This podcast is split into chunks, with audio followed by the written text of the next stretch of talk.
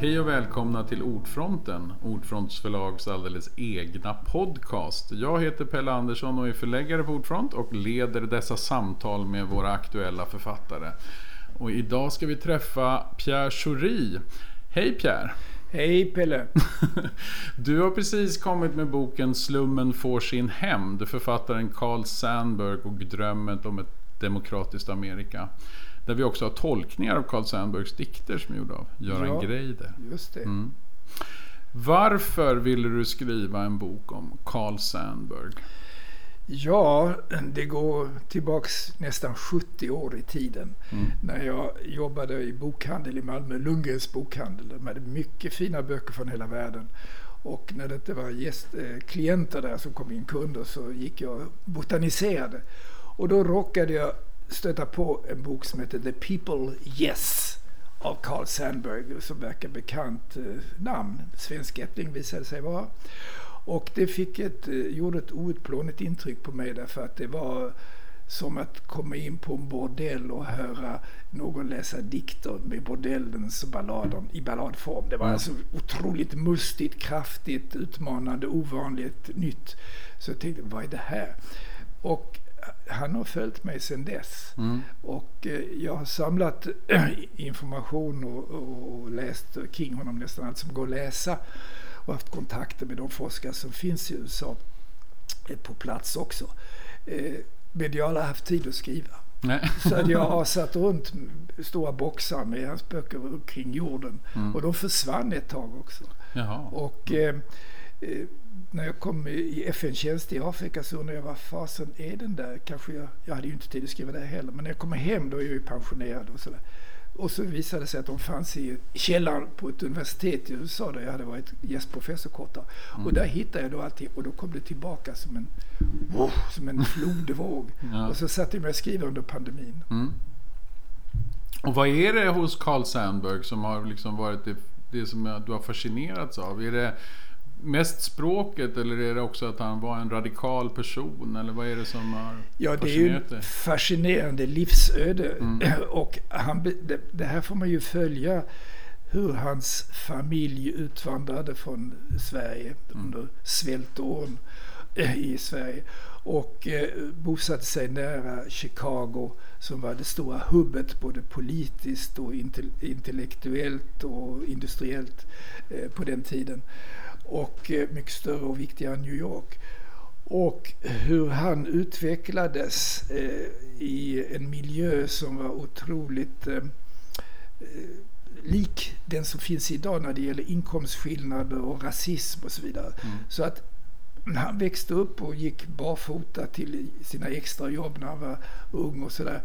Och eh, lärde sig mycket och blev sedan den första anställde ombudsmannen för det socialdemokratiska socialistiska partiet i Mm. USA. Och eh, samtidigt så skrev han dikter. Och det var det hans diktspråk som du nämnde som grep tag i mig därför att jag hade aldrig läst någonting sånt. Och det grep också tag i sådana som Elmer Diktonius i Finland, Arthur Lundqvist i Sverige, Harry Martinsson. Harry Martinsson och, och eh, satte sig ner tillsammans med, och med Arthur Lundqvist och började läsa, översätta de här eh, dikterna med hjälp av en ordbok. Och eh, de blev helt fascinerade. Och Martinsson rekommenderade, förordade Sandberg till Nobelpriset Mm. till, som fem, sex andra har gjort sedan. Så att det där grep tag i mig har aldrig släppt. Mm. Och eh, det är därför jag vill nu också att eh, han ska nyupptäckas i Sverige. Precis så som Obama har gjort i USA. Mm. Obama citerar honom ofta och Obama har ju rörde sig i samma miljö som, som Sandberg som socialarbetare i Obama i Chicago. Och det. eh, det var ju också eh, Sandberg precis sett. Och Olof Palme för den delen citerade ofta eh, just den här titeln Slummen får sin hämnd eh, och i sina tal. Mm. Och vad tror du är, är det den här kopplingen till Sverige som har gjort att många svenskar har funnit, eh, alltså hittat till Carl Sandburg? Eller är det snarare det att han är en sån framstående modernist? Eller alltså att han, är, att han omskapar språket på något sätt? Ja, det var nog att han omskapade Mm. språket därför att han själv glömdes. Han lärde sig talade svenska i, i hemmet. Pappan lärde sig inte skriva ens på engelska. Nej. Men Eh, och eh, han glömde snart eh, svenskan också. Han sa, jag är ju amerikan, sa han när han kom till Sverige. Sedan på besök, var på två besök i Sverige. Ett som krigsreporter under första världskriget och där han blev anklagad för att vara spion åt Ryssland av Säpo på den tiden. och eh, sedan kom han som årets svensk-amerikan och fick motta ett pris på Skansen och det var då som Tage Erlander bjöd ut honom till Harpsund. Mm. För Herlander som var en stor intellektuell hade läst eh, hans böcker, mm. eller åtminstone en ungdomsbok, De unga främlingarna. Och han sa till sina medarbetare då att eh, jag har lärt mig mer, sa Erlander, om svenska amerikanernas situation än av Vilhelm Mobergs mm. Utvandrarna. Mm. Mm. Ser du annars några paralleller mellan en Vilhelm Moberg och en Carl Sandburg? Finns det något band där? Eller? Ja, egentligen inte. Mm, Men vad jag vet, och, och, det gav min forskning det resultatet ja. faktiskt, att eh, han hade läst, Moberg läste Sandburg och eh, han hade nämligen flera manuskript som han hade fått förmodligen av förlaget i USA. Mm. Eh, eftersom Moberg var ju känd för, också i USA mm. på den tiden. Och, eh, och eh, han träffade aldrig Sandburg men han, han läste honom, mm. det vet jag. Mm. Och hur skulle du säga, hur, hur många engagerade sig i Samuel? Alltså, har, han, har han haft och var han också en betydande författare i Amerika hela tiden? Eller hur skulle du se på honom? Som? Ja, han ja. var en stor författare mm. och han fick ju sitt genombrott 1936 eh, med The People Yes mm. som är en enda lång ballad med bordellspråk. Ja, precis. men, ja. Eh, men, eh, men som innehåller också mycket information. Han skriver till exempel om fake news på mm. den tiden. Mm. Eh, han skriver om inkomstskillnaderna och han, när han sedan han jobbade då som ombudsman så noterade, tog han, skrev ner allt han hörde och såg i små dagböcker som jag gått igenom på ett universitet i Chicago där de finns. Och eh, det visar att den verklighet som han skildrade, de orättvisor som då fanns, det är precis det som fanns. Mm. Rasismen som han såg, är precis det med Black Lives Matter. Mm. Det är samma skäl till att han sa det här är ingen rasfråga egentligen. När de svarta gjorde uppror i Chicago på 20-talet som han skrev om mm. och intervjuade folk. Utan det var en, en klassfråga. Mm. Och eh, de, den situation som Black Lives Matter förde fram, det var precis exakt som det han skrev om på, mm. Eh, nästan hundra år tidigare. Så att det var både det som om ska vi säga, sociala situationer, den ekonomiska situationen som man noterade också, det var att Rockefeller-familjen hade en miljard dollar under ett år 1920 och då var inkomsterna för alla i hela USA 100 miljarder. Så att Rockefeller ägde en procent av allting. Och han skriver också om herrarna, the masters, han skrev en lång dikt om det också, hur de, när de samlades ledarna för de större företagen i, USA i sitt sammanträdesrum och träffades så hade de mera eh, pengar än hela resten av USA tillsammans. Och det är samma proportioner som idag och det var därför vi fick också Wall Street-upproren då med enprocentarna mm. som äger och sådär. Så att det här är också en, en, en berättelse om nutiden mm. och om skälen till varför Trumpi, trumpismen kom fram och Trump och slummen får sin hämnd. Det menade Sandberg, om man inte gör någonting åt orättvisorna, förnedringen, rasismen eh, så, så kommer man att ta sin hämnd. Han skrev inte slummen som en pejorativt negativ sak utan det var, han, med det menar han de förtryckta och, och orättfärdigt behandlade och, mm. Eh, och så. Och eh, det är ju det som vi ser också i skälet till varför Trump kommer till makten. Mm. Och eh, varför han fortfarande är så stark. Därför det finns kvar samma fenomen och förhållanden. Och vi börjar också se det här i, i Sverige mm, onekligen och i Europa. Och, och, han skrev att, eh, att det finns ungefär som två ekosystem i, i samhället. Det finns dem och det finns vi andra, Mm, majoriteten. Mm. Och eh, om man inte förändrar detta så, så går det som med Trump och som det gick i USA och som det börjar bli lite här också. Mm. Men just, vad tror du det kom ifrån? Eller var det möjligt för honom, trots att han kom från de här väldigt fattiga och svåra förhållandena? Var, var kom den här bildningshungern? Alltså att han började skriva. Vad, hur kommer det sig egentligen? Ja, han, ett av hans jobb det var att, eh, ja, först som 19-åring så tog han vävning. Och han skulle befria Kuba från spanjorer, spanska det. ockupationen. Och det var en följd av att eh, tidningsmogulen Hearst propagerade för ett krig. Mm. Att det, det ger pengar och rubriker och sådär. Va? Tvärtom, rubriker och pengar.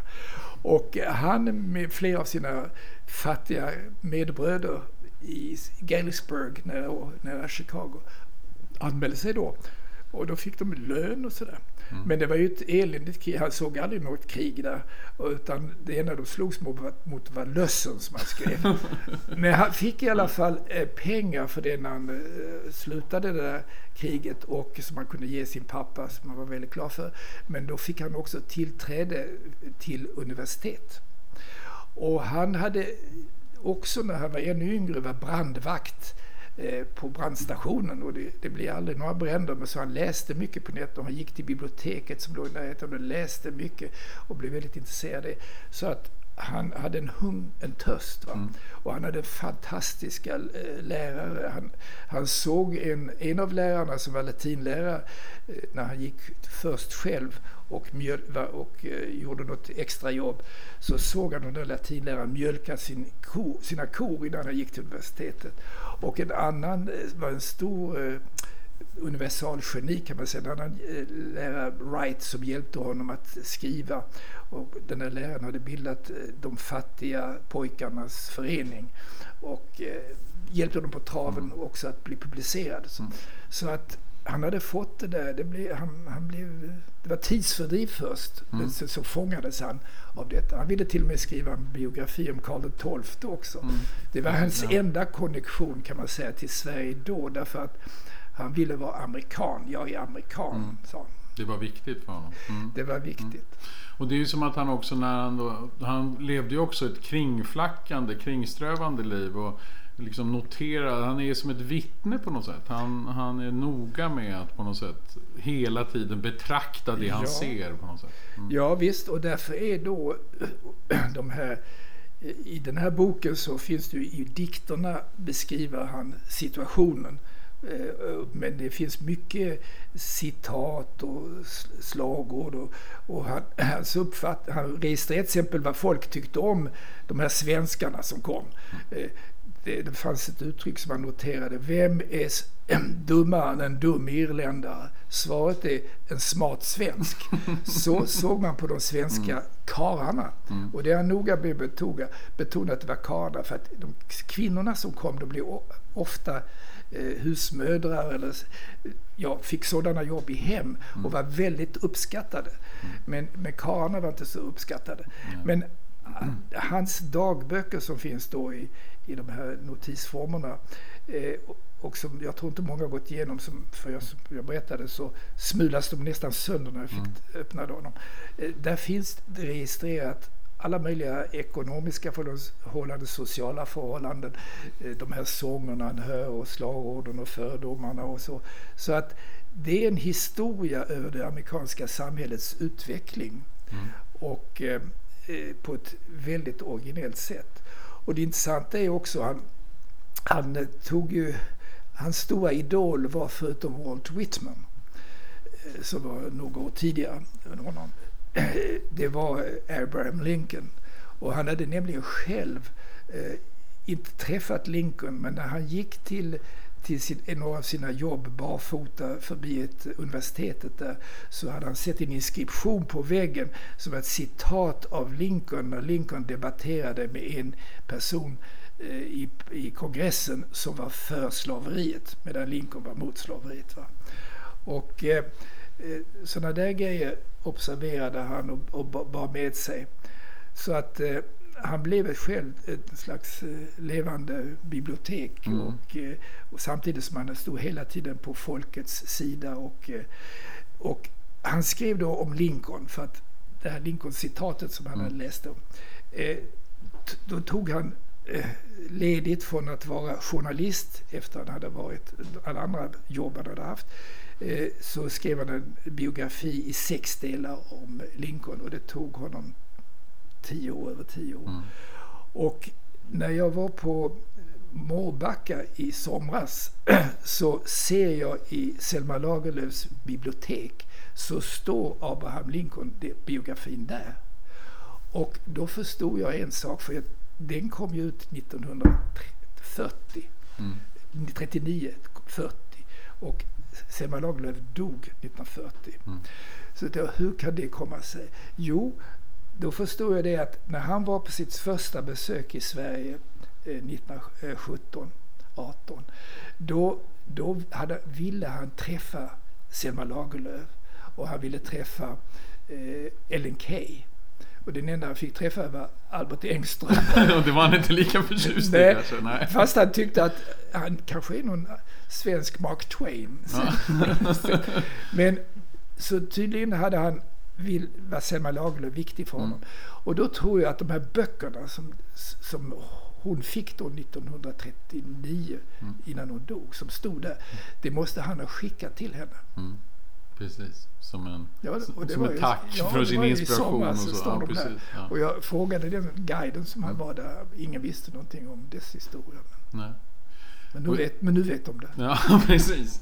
Men gick det här också hela tiden hand i hand? Hans liksom både journalistiska, poet, alltså att han skrev poesi och engagemanget för... Alltså han var ju också politiskt engagerad väl, hela ja, livet? Eller? Ja, det mm. var han. Och, eh, men han ville inte bli partipolitisk längre. Nej. I och med att eh, det blev krig med Tyskland, första världskriget och socialistpartiet var pacifist så, mm. så tog han ställning mot, eh, mot uh, tyskarna. Mot, ja, så, att, äh, så då lämnade han, men han var ju fortfarande oberoende socialist så att mm. säga.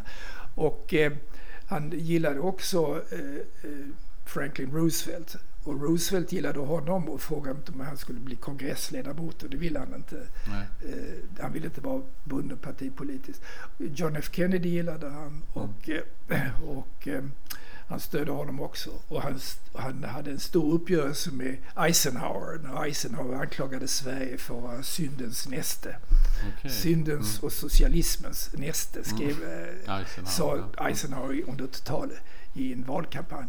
Och det hoppade han på mm. och han fick stort utrymme i pressen i USA, Sandberg, där han försvarade Sverige och så. Mm.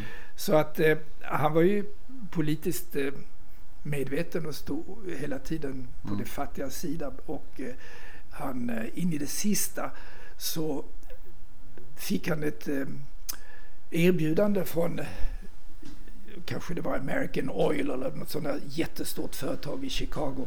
Att han skulle komma och hålla ett tal på deras bankett. Och eh, han hade då en eh, en väninna som sa det kan du för fasen inte göra. Det vore ju förräd, klassförräderi. Mm, sälja sig. Ja. ja mm. Nej, men jag vet vad jag ska säga, han. Så han, men hon var jättearg. Hon, hon tog hem honom och sa det här får du inte göra. Och här är dina böcker. Jag kastar dem på marken om du går dit. Men han gick dit. Och så höll han ett tal, ett brandtal för arbetarna men också hyllade i delvis företaget för att de hade gett fackliga rättigheter. Mm. De fick korta arbetsdag, åtta timmars arbetsdag, arbetarna. De fick rätt att duscha och sådana här grejer som han framhävde. Men, men han, han utnyttjade tillfället och så slutade han med att spela på sin gitarr sedan och sjöng för dem. En, eh, kanske Joe Hill-sång därför ja, att han, precis. han, han hade nära band. Eller ja, ja, han träffade aldrig Joe Hill men han, han, han, skrev honom, om honom och han sjöng hans sånger. Mm. Han var ju stor, stor sångare också, Carl Sandburg. Mm. Och var det framförallt fackföreningsrörelsen han var engagerad i, Carl Sandburg? Eller även partibygget? Ja, han var ju den första partiombudsmannen mm. mm. och reste land och rike runt. Och, eh, och sedan så var han ju hela tiden på, han var med i IWU, Wobblies, mm. Joe Hills förening. Så att han var fackligt aktiv också. Så att han var väl, eh, kan säga, obunden socialist, vad kan Mm. man säga. Mm. Hela tiden. Ja, Ja. ungefär som flera av oss bli, börjar bli nu. Ja. Så, så, så som partiväsendet ser ut i Sverige. Det finns inget parti längre att ansluta sig till. Men, men också då det litterära. Just där, du var inne kort på att han var även nominerad till att eventuellt få ett Nobelpris och så. Var, hade han många kontakter och fanns det ett stort utbyte också mellan författare vid den tiden av de andra stora amerikanska författarna och Karl? Ja, alltså i, som jag nämnde så var ju Chicago ett eh, kulturellt centrum, en metropol, en världsmetropol. Och dit kom ju folk från Europa ständigt, från Oscar Wilde på sin tid. Eh, Och de frågade ju då honom om varför han kom hit, för att han var med på alla möjliga eh, sammanhang. Han skrev ju otroligt mycket, Oscar Wilde. Och han berättade att han besökte gruvarbetarna eh, i, i, i, i, i Arizona eller sånt där. Och då sa han, jag var nere med gruvarbetarna och delade deras förhållande. Och vi fick samma till, eh, Eh, rätt till frukost, lunch och middag, whisky.